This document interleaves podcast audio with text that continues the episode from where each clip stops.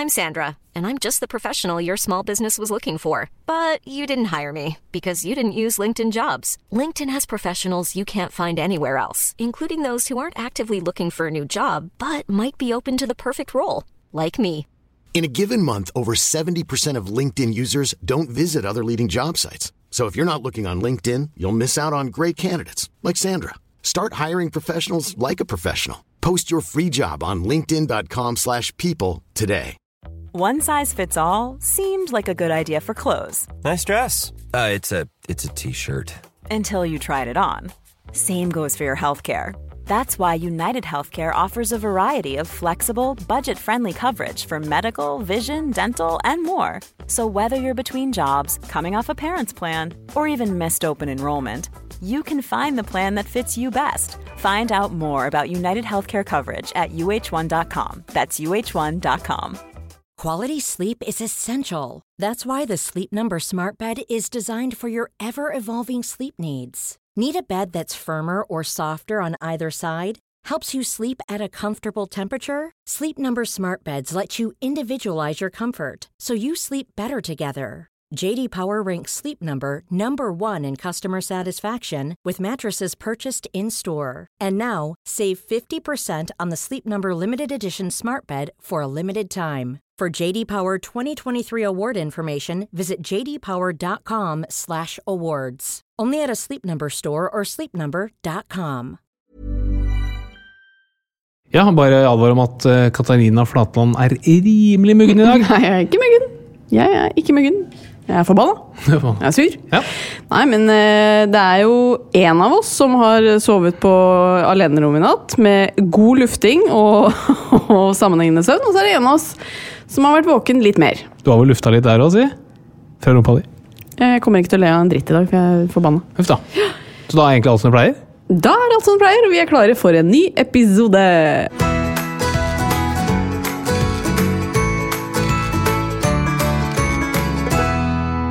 Alle sammen, og hjertelig velkommen til Åpen journal. Hallo! Nå har jeg fått meg en kaffe, og da er jeg litt bedre humør enn enn i stad. Jøss. Ja. Fantastisk. Ja! Og noen ganger så hjelper det bare å smile når man snakker. Ja. Ja. Vet du hva jeg hørte om eh, her forleden? Nei. En som holder eh, Ja, det er jo Pølsa! Som eh, var gjest forrige uke. Ja. Han eh, er jo en motivational speaker. Ja. Han er ikke daglig leder. Han er daglig gleder. Der kan du se. Og så sier han ikke ansatt, han sier flosshatt. Alle mine flosshatter. For det bidrar til litt sånn god stemning. rundt bordet.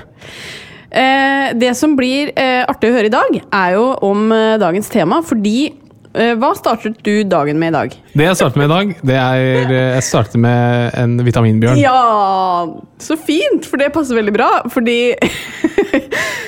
i dag så skal det jo handle om kosttilskudd. Ja. Og du eh, og jeg har vært eh, grunnleggende skeptisk til kosttilskudd i alle år. ja. Men eh, her må jeg på en måte arrestere meg selv. Stopp en halv. eh, Frys. frys og håndjern på. Fordi eh, vi må jo lære oss faktisk forskjellen på de ulike kosttilskuddene. Fordi i, vi tar jo f.eks. vitamin D, og det er innafor. Mens visse andre kosttilskudd tenker vi at det er helt ute. ikke sant? Så her må du lære opp både meg, deg og resten av den norske befolkningen. Det skal jeg gjøre. Ja, Vi har jo faktisk seks millioner lyttere om dagen. Ja. Ja, Det er fantastisk. Og det er jo bare i Norge. Det er bare i Norge. Tenk deg hva vi da har utenfor Norge. Ikke minst. Um, Hello to you. Yes, so I'm gonna take the rest of this podcast in English. Thank you. Yes. So, uh, dagens gjest, da. Da var jeg ferdig med engelsk. Ja. Eh, dagens gjest, det er eh, ingen, ingen ringere enn Ingen ringrev. Ingebjørg Bråtland. Nei, Br Bratland. Takk for det. Men jeg synes det var morsomt det du sa med Inger Ringere. Mm. Det hjalp den kaffen. Du er liksom langt lettere til sinns enn du har vært før i dag. Mm. Og ellers i livet òg. Pass deg, ellers så blir jeg sur igjen. Ok.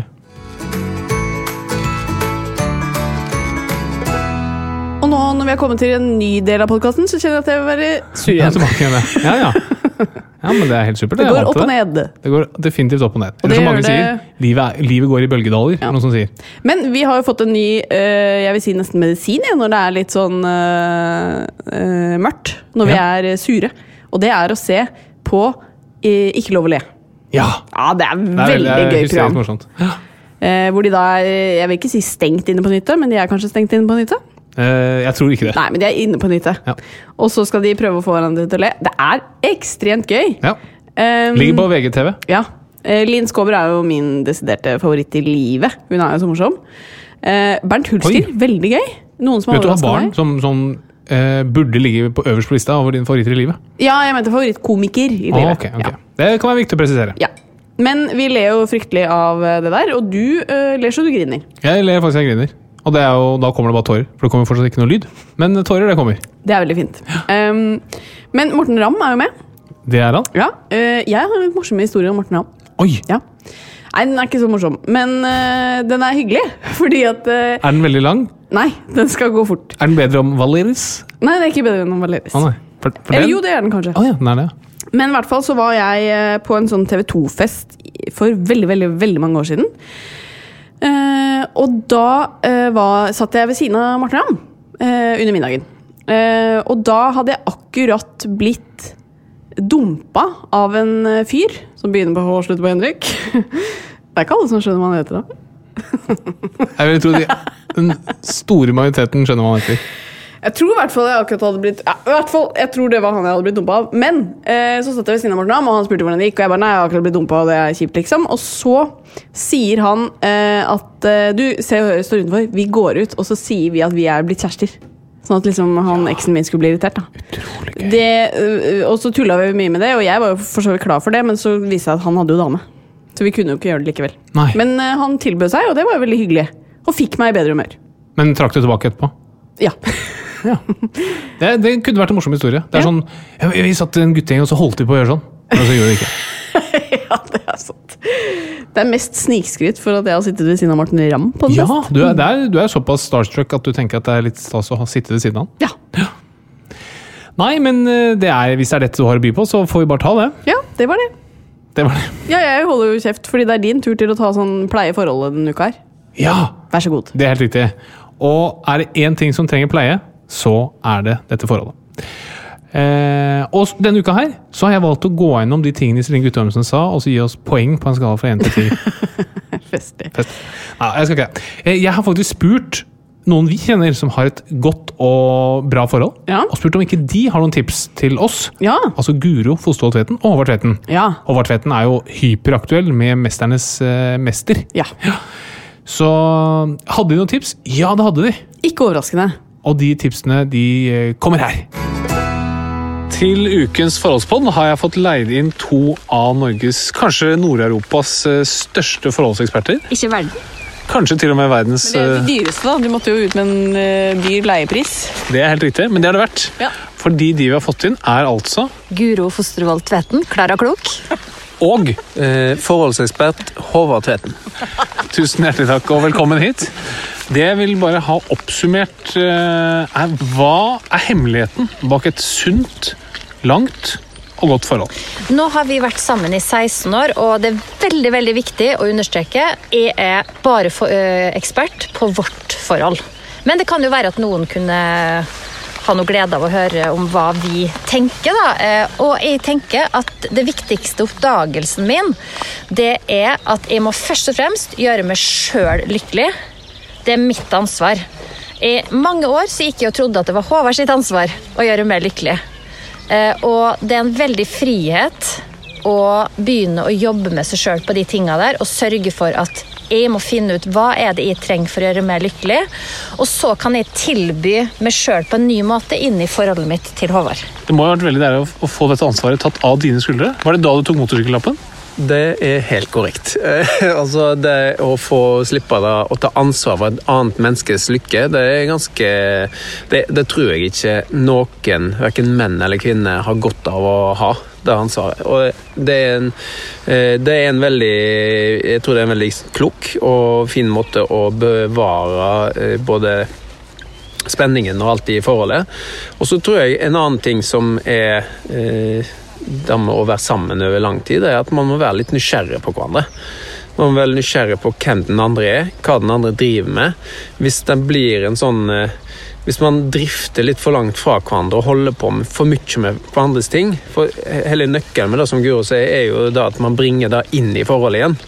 Så det er ikke sånn at man blir to separate mennesker som ikke snakker sammen, men at man blir to separate mennesker som bringer det man driver med på hver sin side, inn i forholdet. Det var veldig klokt sagt. Siste kommentar fra Guro. Og så eh, er det veldig lurt å ikke ha for mye fokus på regnskap i et forhold. Hva har du gjort? Hva har jeg gjort i huset? Har du bretta litt mindre klær enn meg? Har jeg vaska opp to ganger mer enn det? Det er et regnskap som er dømt til å ende forholdet i Hva heter det? Rullesteinen? Nei. Rennestein. Rennestein heter det. Men jeg føler aldri at vi har hatt det regnskapet som en del av Altså, jeg kan jo bli ekstremt Og det er veldig viktig, da. Jeg kan jo bli kjempeirritert på Håvard. Jeg kan synes han er verdens største dust.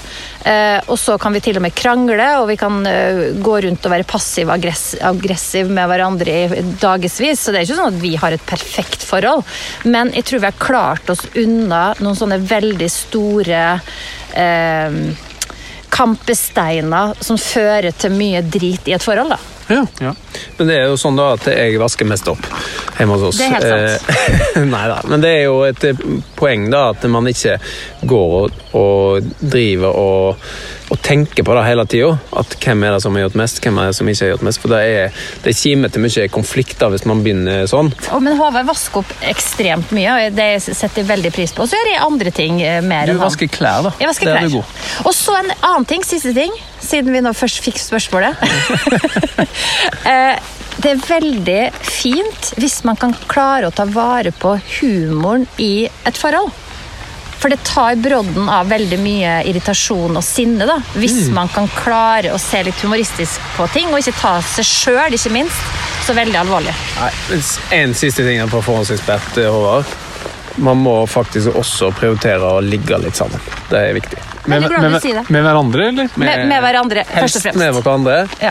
Hva er, hva er den ideelle hyppigheten, mener dere? Hyppighet Nei, det kan jo altså det, det tror jeg er veldig individuelt, da, hva som oppleves som hyppig. Og det kommer litt an, an på hvilken fase man er Ikke i. mer enn eh, fem ganger om dagen, pleier jeg å si. Nei, Nei da må vi få roa ned kona her. Nei, men Tusen hjertelig takk. Bare hyggelig. Tror Guro har et poeng at du ikke skal eh, hvile på den andre, at den andre skal være lykkelig. Du må først være lykkelig selv. Det er ikke dumt. Det er ikke dumt. Er, vi har jo veldig kloke venner, det må jeg bare si. Ja. Vi har ikke så mange venner, men de vi har, er fryktelig kloke. Men det tror jeg, vi har snakket litt om det før når det kommer til både vekt, om vi snakket om det med, med spiseforstyrrelser, eller om man skal gjøre seg pen eller pynte seg. Jeg tror man må starte på innsiden, eller lykke. Ikke sant? Du må først være lykkelig på innsiden, før du kan eh, få noe lykke utenfra. Og hvis du ikke er fornøyd med kroppen din, så blir du heller aldri fornøyd med kroppen din. Nei. Du må være fornøyd, og så kan du godt eventuelt justere på den, hvis du vil det. Kanskje du skal bli en sånn motivator, du også? Jeg skal det. Jeg er ikke daglig leder, jeg er daglig gleder. Der Og god dag se. til alle mine flosshatter. Det er hyggelig å se dere her i dag. Men jeg syns faktisk at uh, det var et par kloke tips uh, å ta med seg her. Ja. Um, Det eneste er det at Håvard sier man ikke skal ligge med fem ganger om dagen. Hvorfor ikke det? ja, og det blir vanskelig. det, det blir vanskelig. Det er det eneste jeg tar med meg herfra, egentlig. Ja. Nå er det også på tide med På kornet med Bernhard. Er det, er det, er det tid for på kornet med Bernhard? Ja. Ok, da setter vi i gang på kornet med Bernhard. Nå i starten av året så er det jo faktisk ganske mye reklame på TV for ting som skal eh, forbedre helsen. Og her om dagen så satt jeg og Bernhard og så på TV. Og da var det reklame for et middel som skal smøre leddene våre. Mm, ikke sant? Fantastisk. Smøre leddene. Og ikke nok med at du skal smøre leddene, du må selvfølgelig abonnere på dette produktet. Ikke sant? Du må betale, så sender de det i posten, og sender selvfølgelig en regning. Og Bernhard er jo ikke gamle karen, men til og med han skjønte at det fins kanskje noe som er enda lurere å bruke penger på enn ting du skal abonnere på, som smøre leddene. Så idet denne reklamen gikk, da den var ferdig, så snudde Bernhard seg vekk fra TV-en og så meg dypt inn i øynene, og så kom det. Det er bare du som syns det er gøy å og det- finne lyder av Det der er jo ikke ekte lyd engang. Det vet ikke du. Det vet jeg. Er, på, 100 det, er på, det er på kornet med Bernhard, og jeg syns det, det, var- det var veldig på kornet. Okay. Jeg, jeg kunne ikke sagt det bedre selv. vet, du, vet du hvordan jeg tror Bernhard ville sagt det?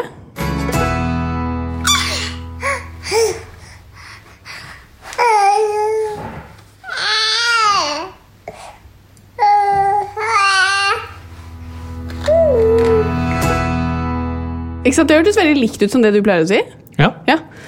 Jo, men Så- altså Popkorn med Bernhard er en helt reell spalte. ja. men det var derfor jeg har tatt det opp. Ja. Ja, Men syns du det var morsommere enn min lyd av Bernhard? ja. Ja. det syns jeg. Ja, nei, men det er hver sin smak. Hver sin smak, hver sin bak. Vi har jo også med oss vår faste sponsor, vi, og det er Boots apotek. Og akkurat som oss, så er de opptatt av å gi gode råd og tips til folket. Det er helt riktig, og tar du turen innom et Boots apotek, kan du være sikker på at du får hjelp fra dyktige farmasøyter og autorisert helsepersonell, som hjelper deg å finne løsninger på dine helseutfordringer. Denne uken så skal det handle om et tema som jeg er eh, oppriktig nysgjerrig på. For jeg føler som medisinstudent at eh, jeg nærmest er eh, litt sånn opplært til å være skeptisk til det som heter kosttilskudd.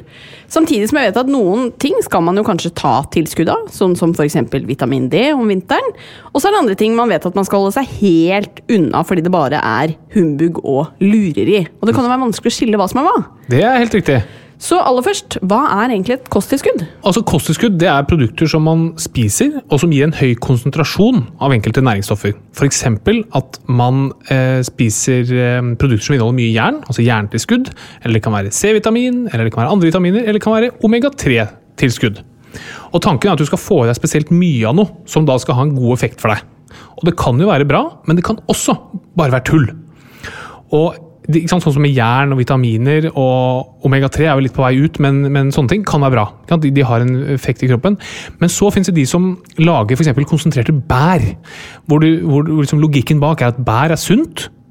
Og, og da kan vi konsentrere bær i en pille, og så spise den pillen. Så slipper vi å spise bær. Og det er jo dessverre bare tull. Fordi det vi vet er at De som spiser mye frukt og grønt og bær, de har lavere risiko for kreft enn andre. Det vet vi basert på kostholdsstudier. Så vi spør masse folk hva spiser du, og så ser vi at de som får lite kreft, er de som også spiser mye grønnsaker og bær osv. Men du kan ikke da erstatte det å spise bær eller grønnsaker med en pille. Fordi de som spiser mye frukt og grønt, de spiser jo sannsynligvis lite av andre ting som er usunt. Skjønte jeg? Ja. Hvis du spiser veldig mye grønt, så spiser du kanskje mindre fritert mat. da, for eksempel. Men det hjelper ikke da å bare ta en pille og så gå og spise fritert mat. Nei. Fordi i en grønnsak, eller i et bær, så er det jo mange andre ting. Det er mye fiber, det er jo volum, sånn at du blir jo mettere av å spise bær og grønnsaker og andre ting. Eh, og det er ikke sånn at det er én enkelt ting i blåbæret eller i eh, brokkolien som er bra som du skal ha ut. Nei. Så da, da går vi over i tullegaten. Ja. Og så sier du jo, jeg må bare hoppe tilbake til noe du sa eh, ganske tidlig. Omega-3 er på vei ut. Det har vi jo blitt opplært til at egentlig er veldig sunt. Ja, man har veldig lenge tenkt at det har en positiv effekt på risiko for eh, hjertesykdom og død. Og den, den eh, reduksjonen du får, spesielt tran eller omega-3, den er sannsynligvis mye mindre enn det man har tenkt. da. Ok. Men du eh, har jo i hvert fall pleid å ta tran hver morgen. Ja. Kommer du nå til å slutte? Ja, har slutta. Slutta gått over til D-vitamin. Mm. Gått over til bare D-vitamin. Men da er mitt spørsmål, kan det egentlig skade å bare ta den tranen likevel? Ikke sant? Det er jo det som er, det er, det som er problemet her. er at, eh, og Sammen med disse bærkonsentratene. ikke sant? Blåbærpille eller solbærpille. Kan det egentlig skade? Ja, det kan for så vidt skade, men, eh, men, eh, og det, men tran nei, det skal det nok ikke. Men det er jo rent fett. da. Det er jo en del kalorier i det. Men Ja, Vi kommer litt tilbake til akkurat det problemet med kan det skade eller ikke. Ja. Men kan du forklare forskjellen på et kosttilskudd og en medisin? Ja, altså, det spørs hva du mener med medisin. altså Ordet medisin det bruker man gjerne om en løsning på et eller annet. da. Og Et kosttilskudd kan jo være medisinen man trenger. Har du jernmangel, så vil jo medisinen din være jerntilskudd. da. Men hvis du tenker på et medikament eller et legemiddel, Ja. så er jo det stoffer som påvirker prosesser i kroppen, og dermed har en dokumentert effekt på et eller annet. Og legemidler de har veldig strenge krav til dokumentasjon rundt effekt og trygghet. Og det er et veldig strengt regelverk rundt rundt hvordan legemidler kan både distribueres og markedsføres. Ehm, og alle, alle legemidler i Norge de må godkjennes av Legemiddelverket for å få lov til å bli solgt i Norge, mens ved kosttilskudd så trenger du ikke noen godkjenning. Så det betyr at Du kan koke sammen masse skvip, og så markedsføre det veldig hardt, og så tjene masse penger på det. Og det er det mange som gjør. Ja. Ikke minst i sånne abonneringsvarianter. da. Og så er det det at Hvis du har gått inn og så sett på innholdet ikke sant? I og med at det ikke er noe kontroll med dette, her, så kan du bare late som det er én ting, og så skrive en ting på pakken, og så selge noe helt annet. da. Og det er det en del som gjør. Så det har norske myndigheter gjort. Gått gjennom og sett på noen kosttilskudd. Det er ikke nok en stund siden. Og så har vi sett at det er en del stoffer i det som ikke produsenten skriver noe om. da. Så for eksempel laget naturlegemiddel for å gi bedre ereksjon for menn. Og som ikke inneholder noe legemiddel, sier de. Og så går du og ser, jo, vet du hva, her var det faktisk f.eks. Viagra. da. Oi. Og det, da begynner det å bli litt guffent. Men hvem er det som egentlig trenger kosttilskudd, da? Det er også å gjøre det litt vanskelig, for De fleste får i seg alt de trenger gjennom vanlig mat. Så lenge du spiser variert. så kommer vi tilbake til det. Men noen har et kosthold som gjør at du får i deg litt for lite av enkelte næringsstoffer. Eller man har en sykdom eller en tilstand som gjør at du trenger mer enn vanlig av eh, de forskjellige næringsstoffene, eller man har en sykdom som gjør at du ikke klarer å få tatt opp det du spiser. Da. For eksempel, hvis du har tarmsykdom, så kan du godt spise mye vitaminer, men tarmen klarer ikke å ta det opp. Så Et eksempel er gravide som bør ta eh, en type B-vitamin, forlat, eller barn som bør ha D-vitamin. Det er fordi de, kan, de vokser raskt, det er veldig risikabelt for de har for lite D-vitamin. Da anbefaler vi alle å ta D-vitamin. Men hvordan kan man finne ut om man trenger et kosttilskudd eller ikke, da? I, I Norge så har vi hatt en holdning om at bare spis variert og sunt, så trenger du ikke å ta noen ting. Eh, men jeg tror kanskje det er en litt for arrogant holdning. Litt for sånn eh, ovenfra og ned-holdning. For det er veldig mange som ikke følger kostholdsrådene. Og mange vet jo ikke engang hva kostholdsrådene er. Så for eksempel, da. Eh, eh, hvis du tar kvinner i alderen 18 til 45 år, så, eller 18 til 50 år, da, så skal du ifølge norske myndigheter spise hvit fisk regelmessig. Det, be- det må vi anta er flere ganger i uken. Og så drikke minst 3 dl melk eller yoghurt hver dag. Oi, det er mye. Det er ganske mye. Ja. Og hvis du gjør det, så er det all good. Ja. Og det, liksom, det regner man med at du gjør. Så derfor sier vi at nei, du trenger ikke noe. Men hvis du enten spiser mindre melk eller yoghurt, eller mindre hvit fisk enn flere ganger i uka, da bør du få i deg jod. Da bør du ta jodtilskudd. Så jeg ville heller sagt sånn til alle fertile kvinner. Spis jod. Ville jeg sagt. Ta, ta ekstratilskudd jod. Men du kan jo ta for mye jod òg. jo, absolutt, men, men eh, hvis du tar for mye, jod, det betyr at du da spiser så mye melk og yoghurt og så mye hvit fisk. Men jeg tror det er nok veldig mange flere som har for lite jod fordi de ikke følger myndighetens kostholdsråd. Da. Eh, så det viktigste er, absolutt viktigste er kostholdet. Eh, og så det du kan gjøre da, fins enkelt og billig på nett, eh, kanskje til og med gratis, som kostholdsveiledere. Hvor du bare taster inn all maten din gjennom en uke, og så ser du om du får i deg det du trenger. Men hva tenker du om å dra til legen og, og ta eh, et bredt spekter av blodprøver for å sjekke noe mangel i greier? Nei, det er ikke anbefalt. Nei. Det bør man ikke gjøre. Det er ikke i Norge og ikke i USA heller, som er veldig på dette her. Men det er ikke noe vits. Fordi Nei, det er særlig to grunner. Det ene er det at man vet ikke helt hva som er ideell konsentrasjon av vitaminer. Eh, så det er som de, de referanseverdiene på veldig mange ting vet man ikke hva skal være. Og nummer to, man vet ikke effekten av å gi vitaminer heller. Nei. Sånn at Summen av det er at det er ikke noe vits å ta blodprøver. Vi, vi tar kun blodprøver hvis det er noe mistanke om det.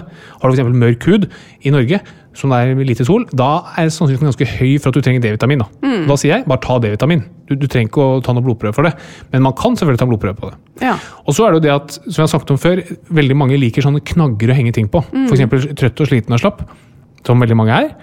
Og så har man lest et eller annet sted at B-vitamin, B, B12, det kan de, gjøre at jeg blir slapp og sliten. Derfor vil jeg ta en B-vitamin-blodprøve, eller jeg vil ta B-vitamin-tilskudd. da. Og det er en litt sånn gæren måte å snu det på. Jeg tror mye oftere at du er trøtt og sliten av noe helt annet, og så ser man bare etter et eller annet man kan henge det på. da. Ja. Det er veldig fint å slippe å, å bare måtte være slapp og sliten. Mye bedre å finne ut at vet du det er nok noe B-vitaminmangel. Men ikke sant? da kan vi helt konkret si da at de fleste næringsstoffene de får vi gjennom uh, matinntaket vårt. Men hvilke stoffer er det vi da ofte trenger tilskudd av, tenker du? Eh, D-vitamin på vinteren, er veldig, høsten og vinteren, det er veldig veldig lurt, fordi da er det for lite sol. Vi er lite ute. Nå også, kanskje når folk sitter mer inne, så er de også mer ute. He-he, eh, utrolig nok. Men altså, man er, går mindre til jobb osv. fordi man er hjemmekontor. Eh, så det var D-vitamin. Jod. Jern. Kvinner som menstruerer, ofte utsatt for å få for lite jern, for de mister en del blod gjennom mensen. B-vitamin og C-vitamin. Ok. Det er sånne vanligste tingene. da. Ja. Men hvis man trener og er veldig aktiv, trenger man mer kosttilskudd, eller trenger man noen andre ting da? Ja, du trenger mer energi sant, når du trener. Mm. Og hvordan, øh, hvordan får man i seg mer energi? Spis mer. Ikke sant? Kroppen blir sulten. Så kroppen regulerer dette her selv ganske bra. Så du spiser mer mat, og da går, går det bra. Okay. Du blir bare mer sulten. Men så kommer det store spørsmålet. Trenger du proteintilskudd, som veldig, veldig mange bruker. Og her igjen, du må se på kostholdet ditt. da. Hva er det du spiser? Men for de absolutt aller fleste får du deg mer enn nok protein gjennom ting du spiser til vanlig. Brødskive, ost, kjøtt, fisk. Alt mulig sånn. Mer enn nok. Eh, men hos noen som trener ekstremt mye, og kanskje i tillegg har et restriktivt kosthold, da kan det være lurt med proteintilskudd. Ok. Og så vil mange si hva har du å tape på å ta proteinskudd? Nei, det er jo penger. Det er jo én ting. Nummer to, det er mye energi i proteinskudd. Og nummer tre, veldig høy proteinbelastning på nyrene også over tid. Det kan være farlig for nyrene. Ja, ok. Men eh, ikke sant? vi merker jo bare når vi snakker om dette, at kosttilskudd er litt sånn vanskelig å, å, få helt sånn grep om. Fordi noe er uglesett, og andre ting er helt innafor.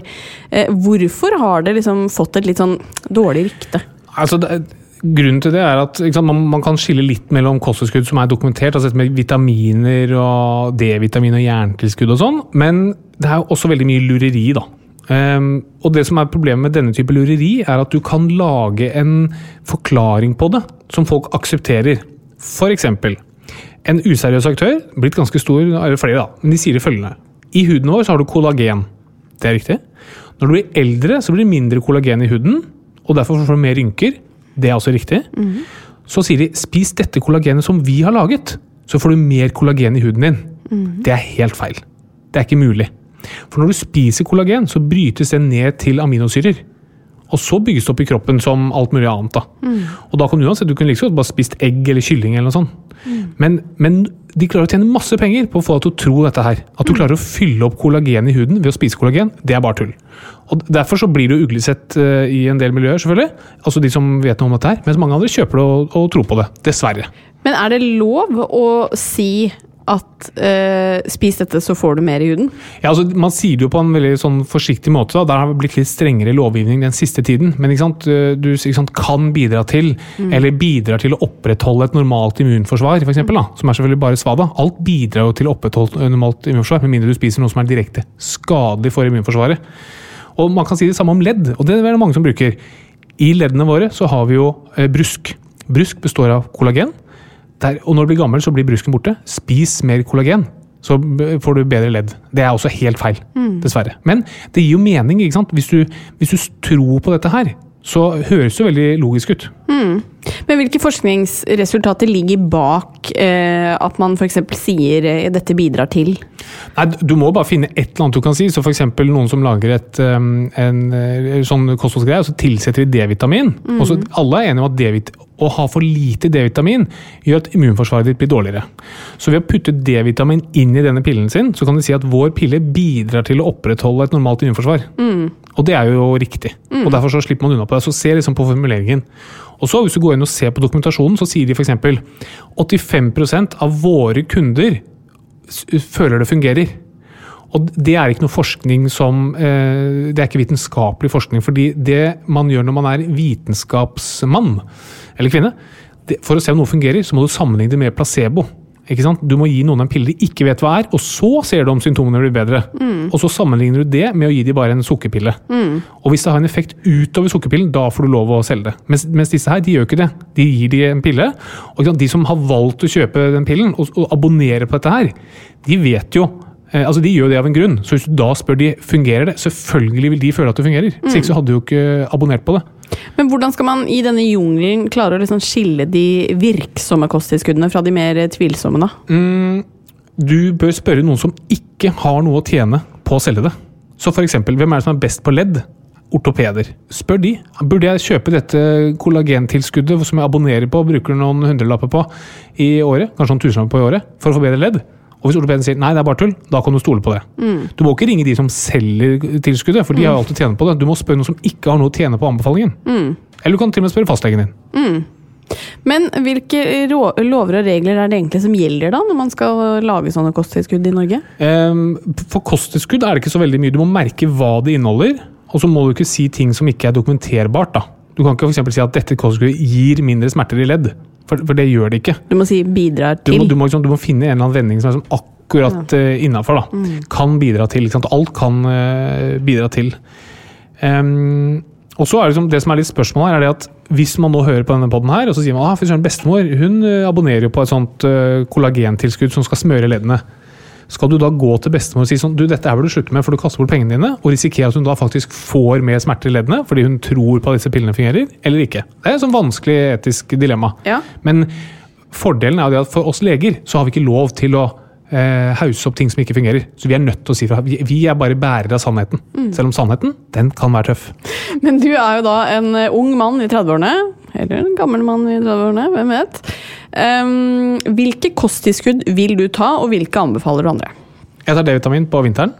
Uh, og så vil jeg anbefale det, og kanskje jod til damene. Uh, ja, egentlig det. Og så vil jeg anbefale deg å gå inn og sjekke kostholdet ditt. Bare legg deg i en sånn kosthold. Bare, bare se. Er det, liksom, er det sånn at du faktisk har et så ensformig kosthold at du går glipp av en del ting? Vær litt bevisst på hvilke valg du gjør. Det er begrensa hva du egentlig trenger. Du får mye gjennom maten. Og eh, bruk en sånn kostholdsplan, så ser du fort om det er noe du får litt av. Og hvis du abonnerer på noe sånn kosttilskudd, det er bare å si opp med én eneste gang. Og så bruk heller pengene på noe annet, da. Ta med eh, barna eller barnebarna kona. eller kona ut på en Middag. Uh, kopp kaffe. På en skikkelig fin restaurant. Ja. ja. Det kan du også gjøre. Det kan du gjøre.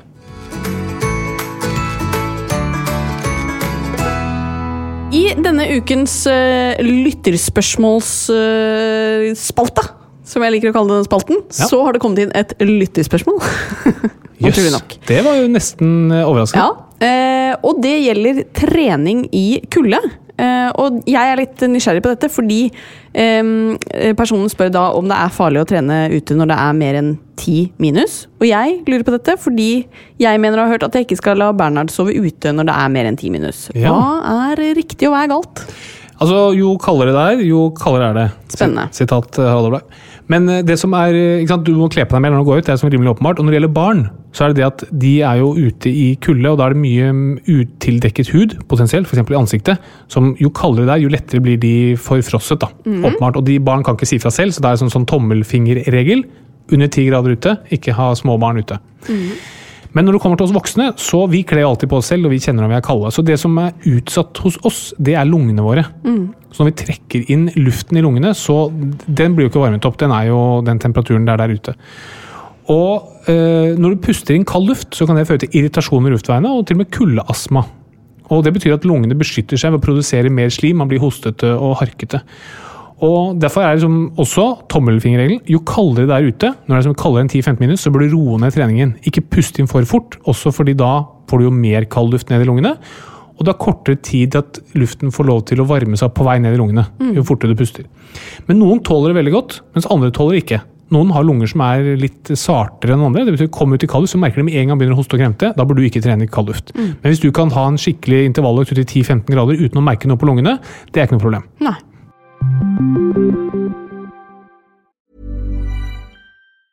Quality sleep is essential. That's why the Sleep Number Smart Bed is designed for your ever evolving sleep needs. Need a bed that's firmer or softer on either side? Helps you sleep at a comfortable temperature? Sleep Number Smart Beds let you individualize your comfort so you sleep better together. JD Power ranks Sleep Number number 1 in customer satisfaction with mattresses purchased in-store. And now, save 50% on the Sleep Number limited edition Smart Bed for a limited time. For JD Power 2023 award information, visit jdpower.com/awards. Only at a Sleep Number store or sleepnumber.com. One size fits all seems like a good idea for clothes until you try them on. Same goes for healthcare. That's why United Healthcare offers flexible, budget friendly coverage for medical, vision, dental, and more. Learn more at uh1.com. I'm Sandra, and I'm just the professional your small business was looking for. But you didn't hire me because you didn't use LinkedIn jobs. LinkedIn has professionals you can't find anywhere else, including those who aren't actively looking for a new job but might be open to the perfect role, like me. In a given month, over 70% of LinkedIn users don't visit other leading job sites. So if you're not looking on LinkedIn, you'll miss out on great candidates like Sandra. Start hiring professionals like a professional. Post your free job on linkedin.com/people slash people today.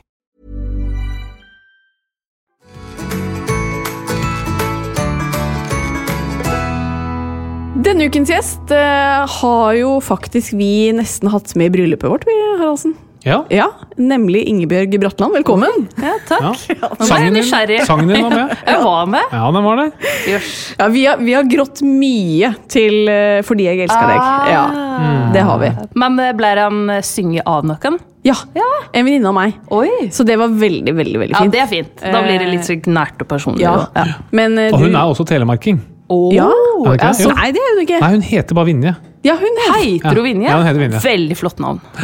Og jeg, ja, fordi du har jo en nydelig dialekt fra Vinje. Ja. Um, og min far er jo fra Flatdal. Ja. Eh, Så da jeg sa at du skulle være gjest i dag, så Ja. sa han ok, da må du ta en dialektquiz på henne. Oi! Ja. Nå Oi. vet jeg ikke om jeg husker riktig, da. Nei. Vet du hva kvasser kvasse betyr? Kvassir Kvasse? Ja. Høres ut som et Donald Duck-navn. eh, nei, det må være en spisser, kanskje? Nei, det er Og visstnok blyantspisser. Ja. Nei, det er hver sin kasse. Kvassir kasse. Kvasi kasse. Ja! Kvasir Jeg sa det sikkert litt Du sier sånn. det. Kvassir Kasse. Vet du hva Hubba Bubba betyr? ja, det var litt der. Men d- dere er jo dere er begge to aner fra Telemark, Ja. og har Atland-navn begge to. Ja! Det er litt fascinerende. Det er sant, da. Ja, kanskje vi er i familie? Ja, kanskje det. Langt ute, helt sikkert. De fleste fra Telemark er det. Det er Ja, det særlig, altså Svigerfamilien min bærer ganske preg av innavl, så jeg Ja. tror absolutt det har pågått mye oppi den, eh, de dalene der. Uff. Det er helt Det er faktisk helt eh, Nei, det er ikke spot on. Det I det hele tatt. Men Ingebjørg, veldig hyggelig å se deg. Eh, Hva gjør du om dagen når korona setter sitt preg på hverdagen? Øh, det er veldig mye slik, eh, serier. Veldig, Det er det, ja. ja, ja. Ser mye på serier. Um, men Og så er det gange tur, da. Ja. Ja, Du blir ikke lei? Nei, eh, det som er da, som er kanskje fordelen min, det er at jeg er vant til at det er perioder som er veldig travle, Ja. og så perioder som er veldig stille. Ja. Så nå er jeg inne i en stille periode. Og da bør jeg egentlig skrive musikk. Det er veldig lat. Ja. Så jeg må Burde du liksom hete Ingebjørg Latland? Ja!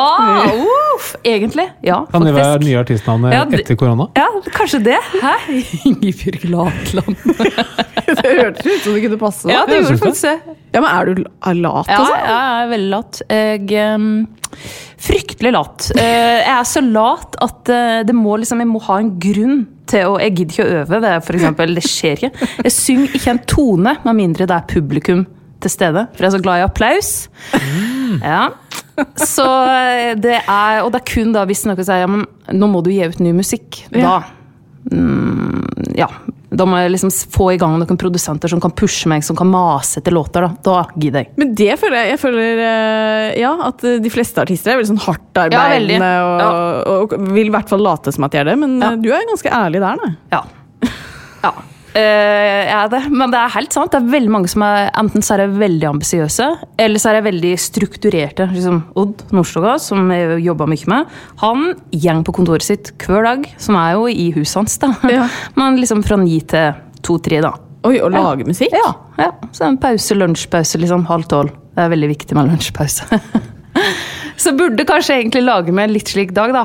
Det er veldig vanskelig. Ja, men klarer du da å eh, Når du da får beskjed om at nå må du gi Ja. noe musikk, så klarer du å sette deg ned, og så bare kommer musikken musikken til deg? Ja. Ja, det er jo fantastisk, da. Men det er jo det, vet du, når folk er slik eh, Å, hvor henter du inspirasjonen fra? Det er bare tull, for du må egentlig bare sette det ned også. Gjøre det. Ja. Yes. Ja. Rett og slett, altså. Det er vel, du kan ikke bare sitte og vente på å bli inspirert, liksom. Så du må bare sette det ned og ja, starte. Ja. Kvass i kasse, som jeg Ja. pleier å si. Fas i kasse. Men uh, før du kom i dag, så har vi snakket om eh, kosttilskudd. Ja. Og da er jeg litt sånn nysgjerrig. Som artist, Ja. er det noe man tar uh, mye av?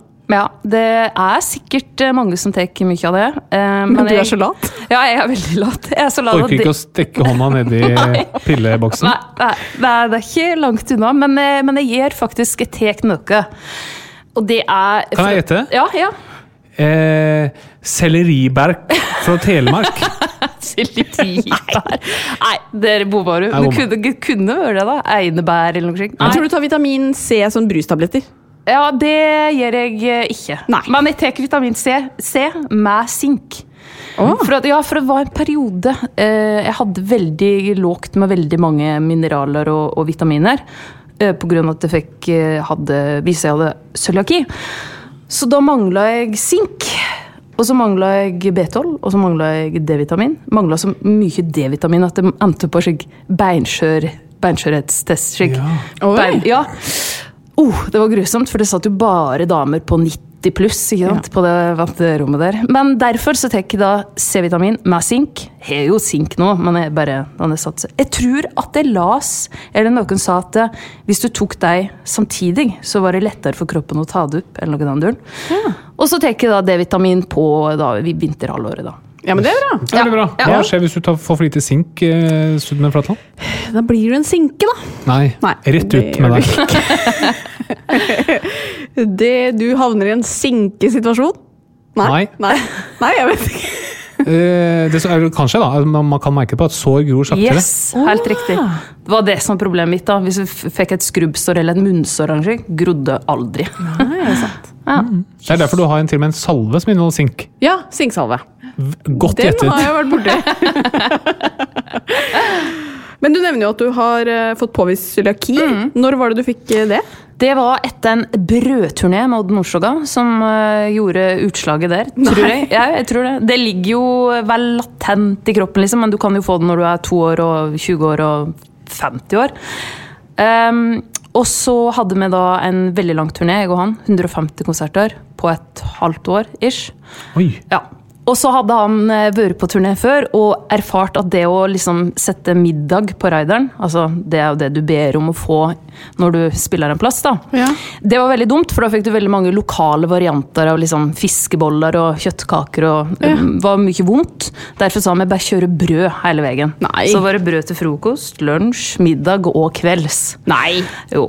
Og etter en lang runde da med brød, så eh, viser det seg at det var, det var noe som skurra litt, for at jeg ble fryktelig tynn. Og alle syntes det var veldig rart, for det var, liksom, det var mye Nugatti på de brødskivene, og det var, ja, det var mye burger på langs veien og slik. Og så var jeg, hadde jeg liksom mye liksom, magesmerter. Ja. Um, og så tok jeg først en blodprøve, og så viser det seg at jeg at jeg kunne ha sånn glutenallergi. Um, og så endte du på gastroskopi, da, for da får du jo uh, bevist at, du, at det er cøliaki, som er jo en autoimmun tarmsykdom. Yes. Rett og slett. Som gjør jo at uh, tarmen ikke klarer å ta opp um, næring, på en måte, for tarmtottene blir jo slitt ned. Så derfor blir du veldig underernært, rett og slett.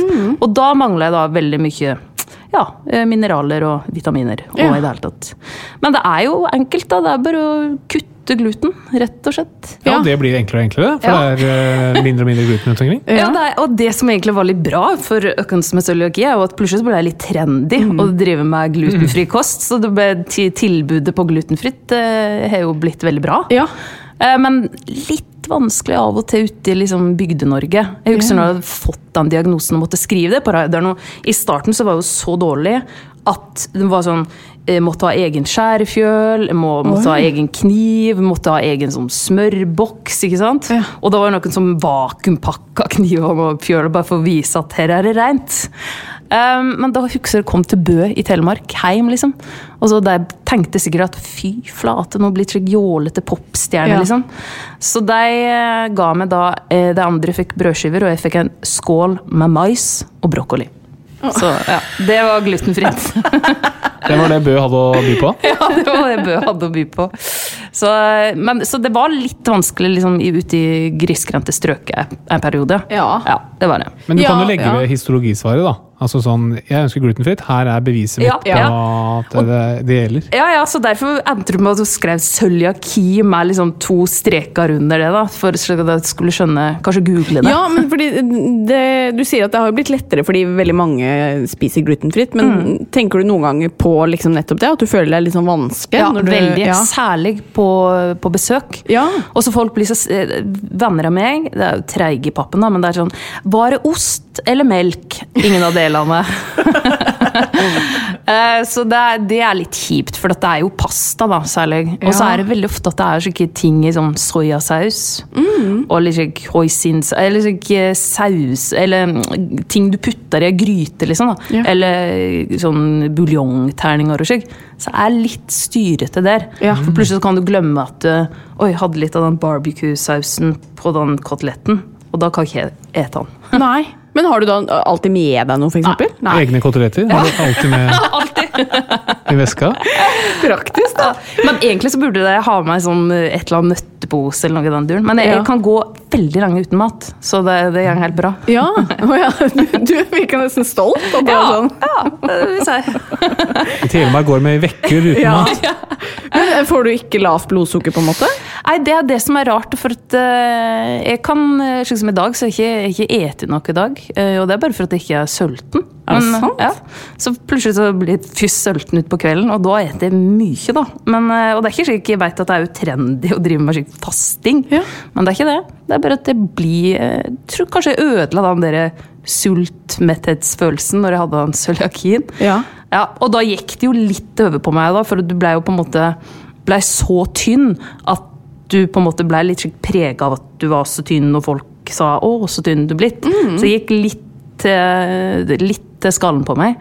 Så eh, ja, det var, det, var, det var vanskelig altså, en periode. Så jeg måtte liksom jobbe litt med å få inn rutiner på mat, og nå har jeg sklidd ut igjen. Ja, men At du syntes det var vanskelig, at du, at du likte oppmerksomheten du fikk for å være så tynn? Ja, ja, altså. ja. Du ble liksom, jeg ble litt prega av det, rett og slett. Ja. Eh, og så likte du det. det var bare, plutselig så var det kjekt å være så tynn. Ja.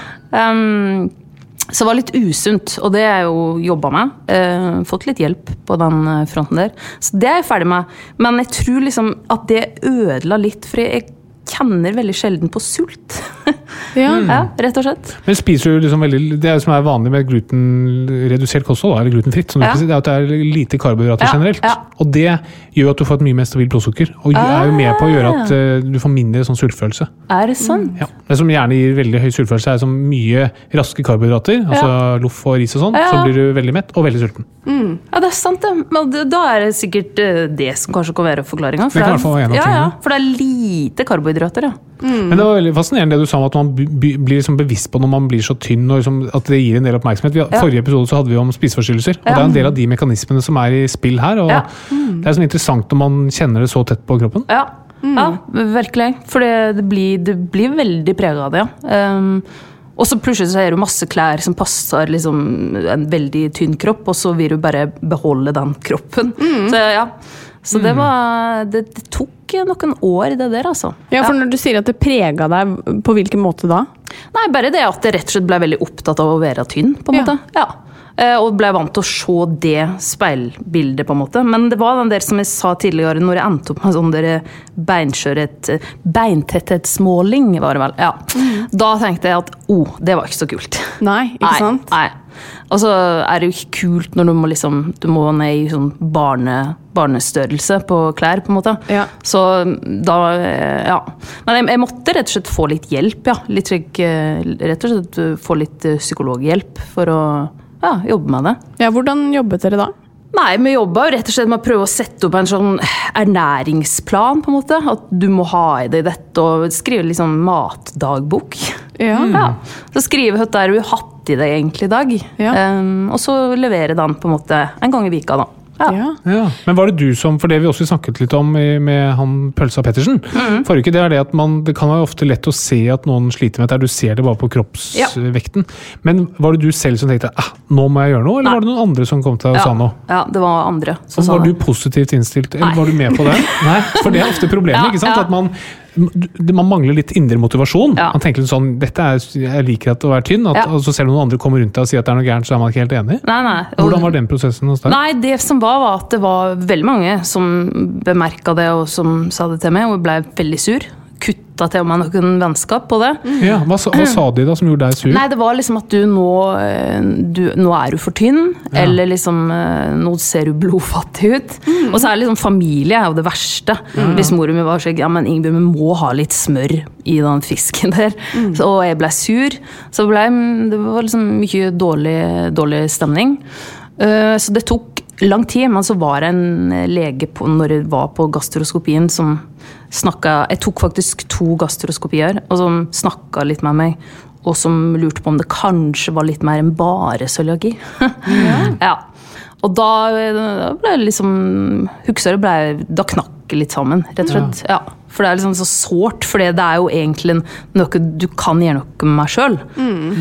Ja, så da ble jeg jo sendt eh, videre til noe som kunne hjelpe meg med det. Ja. da. Men da. Var du litt mottagelig da? Eller var det det at du Da fikk ble jeg liksom mottagelig. Jeg tror det var noen som kom helt fra utsida, som sa det til meg. Som ikke var venn eller familie. Eh, og som da òg påpekte at sjekk, du mangler alt der. Nå må du, nå må du sette B12-sprøyter, nå må du sjekke om du er beinskjør. Så det var liksom mye slike ting. da. Og ja, de såra dine gror ikke fordi du, du mangler sink, og nå må du gjøre noe med det. Ja. Ja, altså Det er utrolig tøft. da. Altså Det er så ekstremt vanskelig å si alle de eh, kall interessene som er i konflikt. da. Eh, også når noen påpeker det utenfra, så det blir bare aggresjon. Det er jo, det snakket vi også litt om, liksom, hvordan skal man nærme seg sånne, fordi det er ikke noen sånn lett åpning å komme inn heller og si at ja, du er for tynn. Det er, liksom, er ikke noe som setter noe dør på gløtt. Nei. Men å heller prøve å komme og si at du skulle vi tatt en prat, eller jeg kan, er det et eller annet jeg kan gjøre for deg, eller hjelpe deg eh, Ja. for å komme ut av dette her? Ja. Men det var interessant at det var en, en, eh, som en utenforstående, Ja. helt utenforstående, som Yes. sa sånn du, Ja. her må vi bare få trukket litt i bjellene og Ja. Hvis det er lov å si? ja. det er lov å si. Men er det, er det sånn at du da nå føler deg helt ferdig med det? Ja, det gjør det faktisk. Ja. Men da har jeg eh, jobba mye med det. Eh, men ja, jeg er ferdig med det. Eh, rett og slett. Um, fortsatt kan tenke på det, og det kan godt hende at det liksom ja, For du må jo tenke litt over hva du putter i deg pga. Mm. det med cøliaki. så du blir liksom, Det ligger en liten slik eh, djevel baki der. Men akkurat nå så er jeg ferdig med det og vært det ganske lenge. Ja. Ja, da, og det er jo det, det er som vi har sagt om alt som har med disse tingene å gjøre, at det er jo du, du, det er langs en normal akse. du, På et eller annet tidspunkt så blir det liksom vanskelig og skummelt, men det som å gå og passe på hva man spiser, det er man jo nødt til hele tiden. Ja. Og hvis man har vært på et sted hvor liksom det blir veldig vanskelig, så Ja. at det liksom ligger og lurer litt sånn i bakgrunnen, er sikkert ganske tøft og vanskelig. Og hvis Ja. man kunne snakke om det og er- ganske, Det er veldig tøft å gjøre det, og jeg synes det er utrolig Ja, jeg syns det er veldig tøft å gjøre det. Så bra. Jeg har faktisk ikke snakka om det før.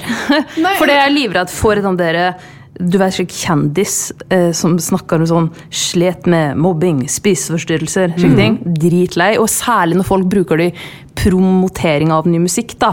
Og det er for at du blir tvinga i dag fordi at media sier ja, men du må, du må gi oss noe for å få det intervjuet der. Men nå var det liksom veldig naturlig å ja, snakke om det, så det var fint. Um, men du hadde en annen ting som skjedde deg, som var litt uh, rart også? Ja, det var veldig rart. Det, var, det er to år siden nå. Så var jeg i Frankrike. Er en del i Frankrike.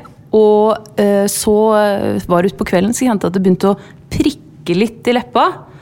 Eh, og, så bare, og, ble, og så plutselig ble jeg veldig hoven på leppa. eh, overleppa. Og så eh, tenkte jeg ja, jeg ble sikkert stikket av et eller annet eh, insekt. da. Og så våkna jeg morgenen etter at halve fjeset det var, gikk liksom akkurat midt, midt på. Gikk det en liksom stripe, og så var halve fjeset bare sånn gikahovent. Altså, det var slik Jeg måper, jeg. ja, ja, men det var helt sjukt. Det var altså leppa bare sånn, det så ut som Botox gone wrong de luxe, bare på ene sida av hele trynet. Og øynene Jeg fikk ikke opp øyet mitt. Det var liksom helt Ja, det var helt uh, merkelig. Så tenkte jeg Vet er det her? Altså, ja, det roa seg sikkert, men det gjorde det ikke. Det ble bare verre og verre. Og det så, det, Var det vondt, da? Nei, det var ikke vondt. Klødde det? Eh, nei. Eh, og så tenkte jeg bare det her er ikke bra. Eh, og så kjenner jeg en hudlege, og så sendte jeg bilde og så sa han oi, du bør komme deg til en lege og få noe antihistaminer. Ja. Og så tenkte jeg ok, så ja, det er en allergisk reaksjon. Ja vel. Og så kom jeg til en eh, fransk lege som ikke snakka engelsk, som satte ei sprøyte. Og så fikk jeg meg en sånn I deg, eller? Ja, Mm. ja i, i. Satt et lite Et lite Ja, skudd. Veldig, veldig billig, men uh, litt lugubbert. Oi, oi, oi. Ja, og så fikk jeg en sånn eh, anti- allergipillekur, da. Og så eh, gikk det mange dager før det ble helt vekke. Og så gikk det ei uke, og så dukka det opp igjen. Oh. Ja. Eh, og da var det bare leppa. Satt på teaterkafeen og åt, og plutselig bare vroom, fikk sånn Donald-leppe.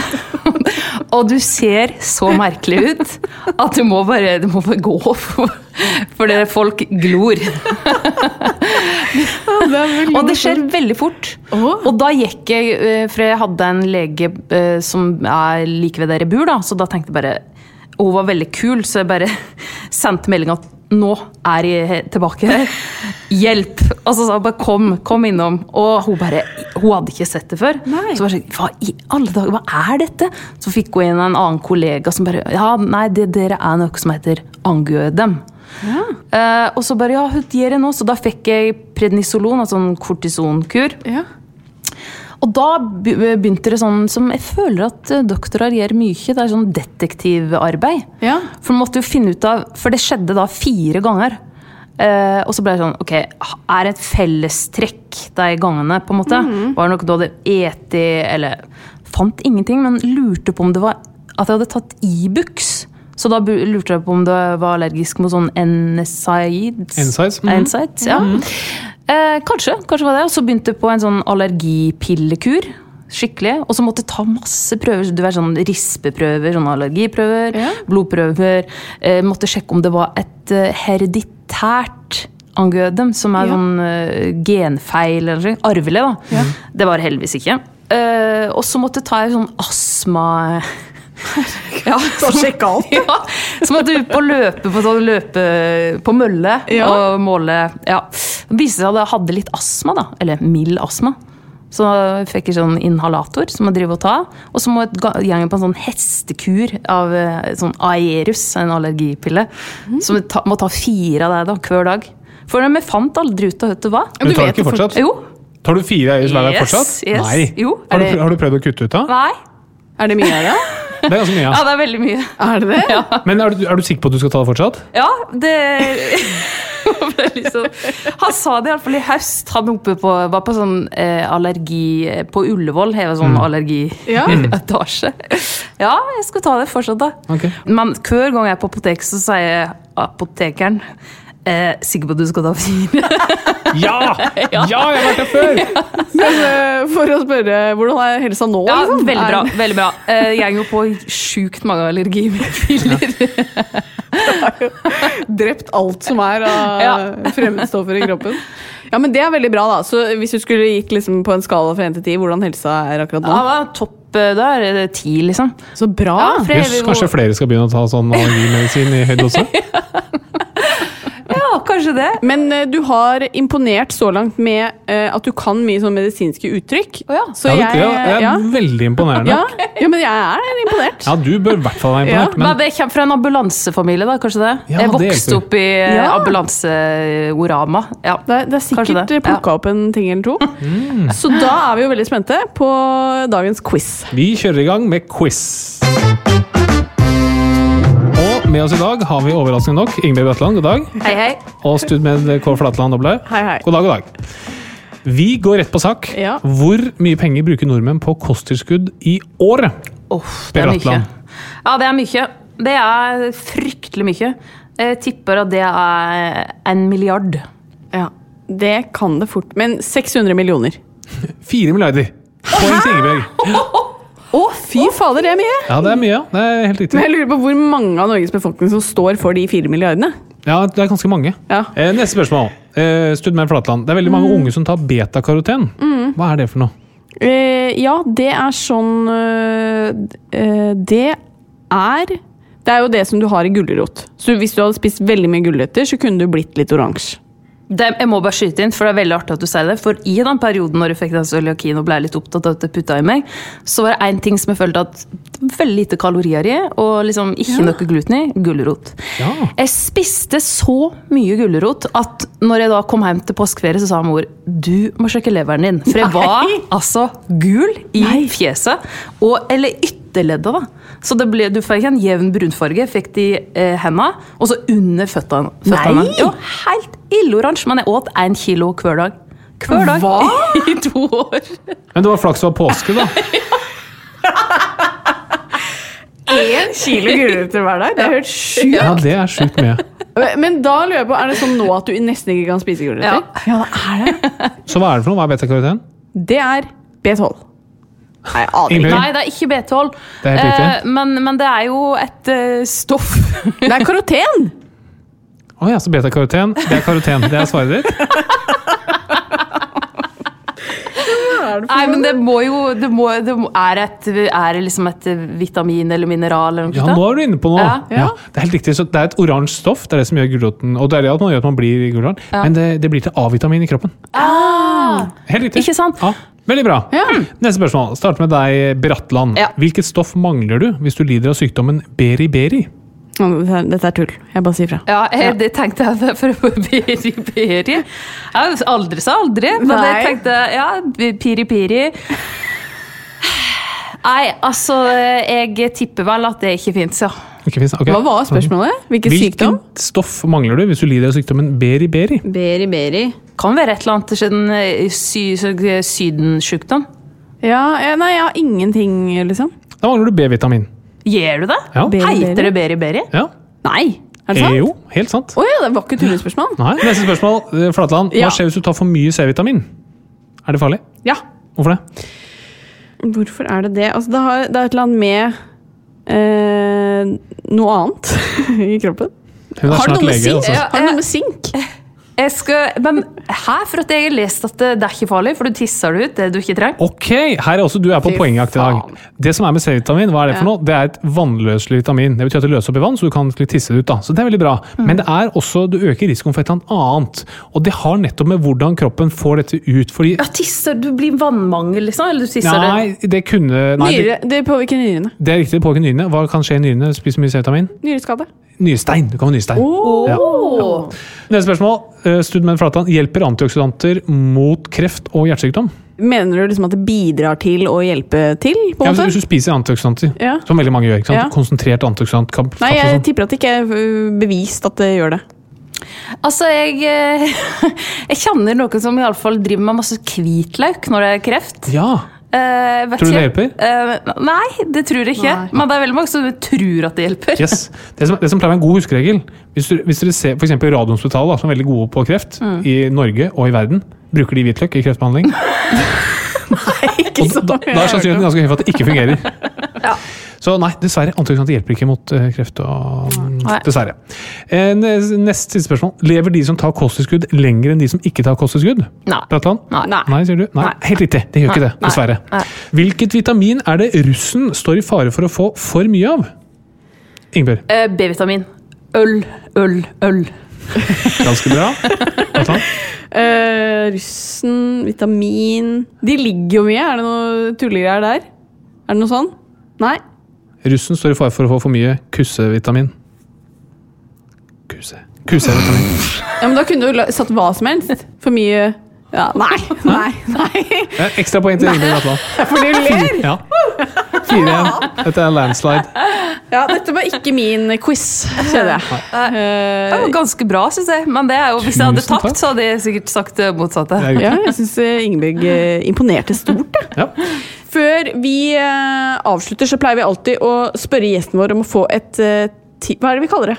Tips til Bernhard? Det er riktig. Ja. Eller beskjed til Bernhard. Beskjed til Bernhard. En beskjed til Bernhard, ja. Som handler om liksom, vi vil at han skal bli en veldig fin fyr. Vi har fine gjester. Ja. Eh, det kan være alt fra liksom eh, stol på deg selv til Ja, ikke sant? sant? Og du har jo uh, f.eks. erfart at ikke spis for mye gulrøtter. Ja. Er det et tips du ønsker Det er et uh, veldig godt tips. Og for all del, ikke bruke en milliard på kosttilskudd. Ikke sant? Det er et bra tips. Og så må du vel være det som jeg snakka tidligere om i dag, da, at, det, at det er lov å be om hjelp.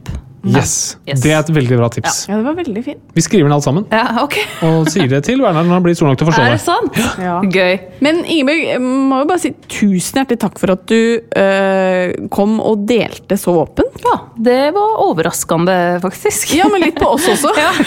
så, øh, og Nei, men det var, det var litt deilig, egentlig. Ja, føler du det? Ja, jeg gjorde det. Det var litt øh, kjekt og sære høyt, egentlig. Ja, Vi sier i hvert fall tusen hjertelig takk. Jeg tror det har vært eh, viktig for mange å høre. Ja, virkelig. Ja. Og som du så fint sa, det er lov å be om hjelp. Ja, Eh, også hvis man ikke er helt sikker på om man trenger det eller ei. ja men bare- absolutt. Det er spør. ikke flaut. Ikke sant. Nei. Da sier vi bare tusen hjertelig takk, Takk for meg. og så er vi tilbake neste uke. Hei då! Ha det! Ha det. Plan B. Hey, it's Paige DeSorbo from Giggly Squad. High quality fashion without the price tag. Say hello to Quince. I'm snagging high-end essentials like cozy cashmere sweaters, sleek leather jackets, fine jewelry, and so much more. With Quince being 50 to 80% less than similar brands. And they partner with factories that prioritize safe, ethical, and responsible manufacturing. I love that. Luxury quality within reach. Go to quince.com slash style to get free shipping and 365 day returns on your next order. Quince.com slash style. When you need mealtime inspiration, it's worth shopping Kroger, where you'll find over 30,000 mouthwatering choices that excite your inner foodie. And no matter what tasty choice you make, you'll enjoy our everyday low prices, plus extra ways to save, like digital coupons worth over $600 each week. You can also save up to $1 off per gallon at the pump with fuel points. More savings and more inspiring flavors make shopping Kroger worth it every time. Kroger, fresh for everyone. Fuel restrictions apply.